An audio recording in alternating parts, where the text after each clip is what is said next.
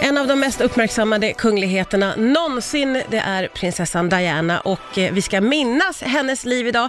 Det gör vi tillsammans med Sara Eriksson som är expert på kungligt. Välkommen tillbaka. Tack snälla. Du, eh, om vi tar det från början då. Vem var Diana? Var, var, var hon upp, var, hur såg hennes barndom ut om man säger så?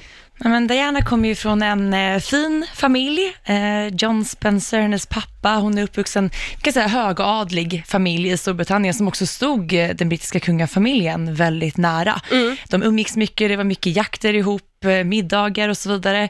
Dianas mormor jobbade ju till och med för eh, drottning Elizabeth som hovdam. Så Ah. det var ju inte så att det, kungafamiljen var okänd för Diana på något sätt, utan de hade mycket med varandra att göra. Ja. Eh, och hur träffar hon Charles då? Ja, men Charles dejtade ju faktiskt Dianas syster först, eh, Sarah. Det här har inte jag riktigt koll på känner jag. eh, utan det är alltså Dianas stora syster. Hon hade två systrar, en av dem. Ja. Eh, så att de dejtade och eh, Charles var och hälsade på familjen Ja, men för att träffa systern och de träffades i samband med jakt och då var ju han där lite av Ja. intresse för Dianas syster då. Ja, okej. Eh, men det blev ingenting med dem. Om Nej. jag har förstått det rätt så var det faktiskt då Dianas syster som var lite tveksam och kanske man kan säga dissade Charles. Oj, oj, oj. Dissade en prins.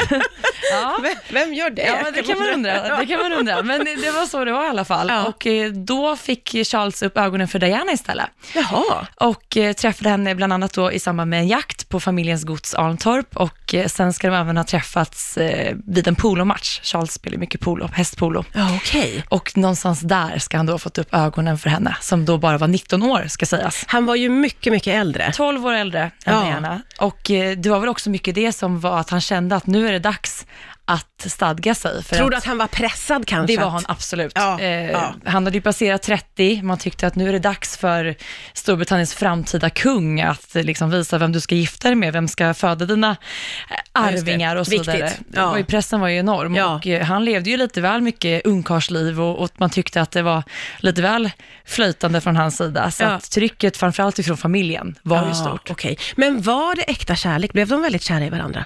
Jag tror inte det. Nej, men tror du inte det? Nej, alltså det är bara att titta på hela deras historia, hur den faktiskt började. Dels var det väldigt tryck från hans sida att bara träffa någon som då var rätt. Mm. Vi vet ju att han var kär i Camilla från början, innan han träffade Diana och hennes syster. Han och Camilla hade haft någon slags historia, eller? Ja, absolut. De hade ju träffats och till och med haft en relation i hemlighet redan då. Ah, okej. Eh, och, men att hon var inte fin nog, hon var gift och så vidare, så det var mycket som gjorde det komplicerat. Och Mm.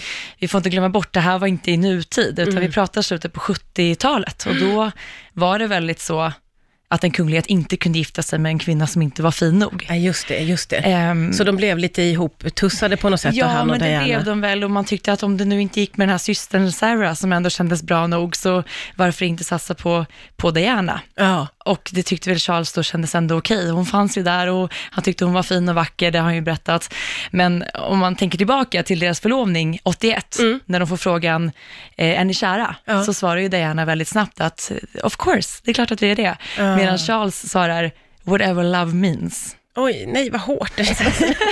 Alltså det är inte så att drömmen att ens framtida man Det ska svara inte vid det. förlovningen, eller? nej, verkligen Det är inte. ett tråkigt svar. Väldigt tråkigt svar, eh, väldigt eh, intressant förhållande blir det. Men hon gifte sig med Charles eh, och eh, det, det här äktenskapet får ingen bra start vad jag förstår.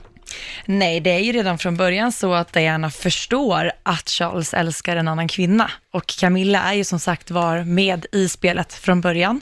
Men hon är som sagt var inte fin nog för att de ska kunna gifta sig, så Charles gifter sig då med så kallade rätt kvinna. Ja, Eh, vi pratar alltså århundradets bröllop. mm. ja, oh, ja Det verkligen. var ett bröllop som man minns än Ja. idag tror jag i hela världen. Ja, verkligen. Alla blickar var riktade mot dem, den här otroliga 80-talsblåsan som hon Enormt stora. ser Ja. ut som ett sant bakverk. Ja. Eh, och den här glittrande tiaran till det. Ja. Eh, och ett par som inte såg sådär jättelyckliga ut. Nej, och det verkar de ju inte ha varit, men de fick ändå barn då ganska snabbt. Ja, det fick de ju. Ett år senare så föds ju prins William, Ja. 82. Och sen så föds ju prins Henry, även kallad Harry, Ja. 84. Ja. Eh, och Diana har ju själv berättat att Charles efter då att Harry föds, 84, kommer in till henne och säger att de är klara med varandra. Det är För att- fruktansvärt. Det, det är fruktansvärt, för att det viktigaste för Charles var ju att se till att det föddes. Ja, ja. eh, Hon var någon som en kan ta över kronan. bebisfabrik fabrik där. Precis, två söner var ju perfekt då. Ja. I och med att man på den tiden var tvungen att vara en manlig Ja, eh, just det. person som Men de kronan. fortsätter ju att vara gifta många, många år. Va, Absolut. vad vet man om äktenskapet, hur det var då under den där tiden? Det man vet och det man kunde också ta del av mycket i media, det var ju att det trappades upp och ryktena gick ju om att det inte var så bra och det var ju ganska tydligt också. Eh, Diana var ju, redan när William föddes, eh, 82 då, så var hon väldigt mån om att få vara mamma framför att vara kunglig. Eh, och det här skapade just att hon blev väldigt omtyckt av kvinnor runt om i världen, att hon var den här, ja men mamman, eh, som verkligen ville vara det. Hon ville inte lämna bort sin son i åtta veckor när de skulle på en kunglig tour till Australien, utan hon tog med sin son. Och det är så tydligt, man ser klipp från den här resan, hur hon är så mycket mamma och Charles är ganska så kall Ja. mot henne och även deras son då. Ja, okej. Så redan där, då pratar vi bara en kort tid efter bröllopet, så började ryktena gå om att det inte var helt hundra. Ja. Och ju populärare Diana blev, ja, hur snabbt gick det att hon blev så jätte- himla jättefort. poppis? Redan när de förlovade sig så Ja. bara strömmade det ju in blombud till slottet, där Diana faktiskt också befann sig själv på Buckingham Palace, för att eh, Charles var ute på en eh, resa. Han stack direkt, de hade gift sig. Eh, Ja, men eller förlovat sig. Ja, ja. Liksom, Precis. Ja. Men Diana vart ju just den här vanliga personen, även om hon var från en väldigt fin och högadlig familj, så hade hon fortfarande bott med sina kompisar i London, hon hade jobbat som förskollärare, hon var liksom en, en vanlig människa. Mm. Hon talade väldigt mycket till kvinnor, vad jag Hon förstår. pratade väldigt mycket till kvinnor. Hon, hon var också väldigt öppen i media. Vanligtvis, alltså, framförallt brittiska kungahuset, de är ju kända för att vara väldigt tillbakadragna Mm. och tysta. Diana hade ju inga problem med att berätta hur de faktiskt mådde. Mm. Och också berätta om att det inte är så enkelt att vara mamma. Det är inte så enkelt Nej. att vara fru. Eh, det är inte så lätt att leva Väldigt relaterbart naturligtvis Precis. för och många. där var, träffade hon ju många hjärtan i att inte ens en prinsessa i sagorna kan ha det lätt. Då är det inte så konstigt att inte jag heller har det. Och någonstans där så var det väldigt många kvinnor som knöt sig an henne. Och alltså, det är svårt att förstå idag hur stor hon var. Och man ska Ja. inte glömma bort att hon fortfarande är världens mest fotograferade kvinna. Ja, ja, kära någon. Men det var ju så att äktenskapet, det funkade inte och det ledde fram till en skilsmässa, vilket väl var otroligt otroligt ovanligt och, och, och märkligt när den skedde. Det var det sannoliken och de skiljs ju, Charles och Diana skiljs ju 96 men har ju då levt ifrån varandra i flera år tidigare. Ja. Just för att de, de ville gå skilda vägar men det var ingenting som accepterades. Men 96 då så är det faktiskt drottning Elizabeth som sätter ner foten och tycker att nu får det vara nog. För Aha. att Diana och Charles förde båda två ett ganska så hänsynslöst krig i media, där de hela tiden försökte sätta sig själva i bästa ljuset och Mm. ville berätta sin sida av storyn för att alltså, kanske propagera för sig själva. Ja. Och det här var ju inte superbra PR för brittiska hovet, utan det var ju bara en stor soppa. Team Diana var hela tiden starkare än Team Charles, vilket Mm. gjorde att det spelade ingen roll vad Charles sa, så stod man ändå på den andra sidan. Ja, ja, ja. Eh, Så, Så- det var precis att drottning Elizabeth sa att nu räcker det, vi okej. måste gå skilda vägar. Och då blir det skilsmässa. Och, och hur ändras prinsessan Dianas ställning och, och liv då efter den här Den blir liksom ännu starkare, ännu större. Vi, jag tror vi alla kommer ihåg den här revenge-dressen, den här svarta klänningen som hon gör entré i till någon gala, eh, samma dag som Charles har avslöjat att han har en affär med Camilla och har haft under en lång tid. Ja. Eh, helt plötsligt så blir ju inte, alltså Diana ses ju fortfarande som en kunglighet, fast kanske på ett annat sätt. Hon blir ju den här stora modeikonen också. ja, just det. Och alltså, alla ska se ut som Diana, alla ska klä sig som Diana, alla ska ha samma frisyr. Vad hon än har på sig, vad hon än gör, så vill man bara ta efter det. Ja. Och hon är den här supermoderna mamman, hon ägnar sig åt välgörenhet, hon är med i över 200 organisationer. Hon använder sitt ljus till rätt sak Mm. Och liksom lever sitt liv. Men fortfarande så har hon det, är det här som är lite svårt att förstå, för att hon har hela tiden klagat på att hon är så förföljd av media och det är också det som till slut tar hennes liv. Ja.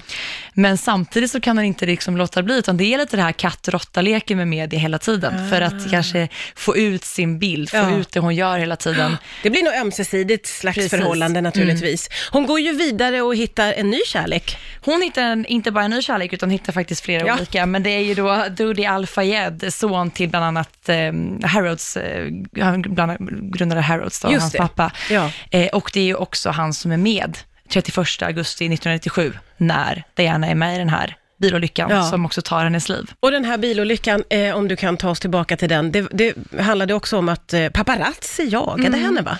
Hon och eh, nya kärleken då befinner sig, de har varit på Rivieran, befinner sig på Ritz Hotel i Paris, men det är fotografer överallt. Jag tror inte man kan förstå hur mycket fotografer det är som jagar henne. Eh, De tar bakvägen, Ritz säkerhetschef eh, ska skjutsa dem till hans då lägenhet istället. Han har då druckit väldigt mycket alkohol i baren och eh, de kör därifrån. Paparazzis förföljer dem och de är uppe i väldigt hög hastighet när de sedan kraschar i den här tunneln. Chauffören och Dianas pojkvän dör på plats. Diana är ju vid medvetandet cirka två timmar efter olyckan och deras livvakt överlever faktiskt och lever än idag. Just det. Och Diana då, folkets prinsessa, omkommer endast 36 år gammal. Ja, det var ju otroligt tragiskt. Eh, vad är det som gör att hon känns lika närvarande och relevant idag som då, tror du? För jag tror det hon gjorde var så unik, den här, det här tydliga att hon, hon liksom moderniserade hela den brittiska kungafamiljen och banade väg för en helt annan typ av kungligt liv och arbetssätt som vi ser än idag i typ hela Europa. Eh, och hon, hon är så stor och jag tror hon kommer alltid leva med oss. Och Ja. då till exempel nu när man ser The Crown och folk som kanske inte är lika nördiga som jag till exempel, då förstår man ju återigen hennes storhet, att så här, vilken kvinna. Ja. Ja, Wow. väldigt häftigt och, och spännande levnadsöde. Sara Eriksson, tusen tack för att du kom till Tack för att jag fick idag. komma hit.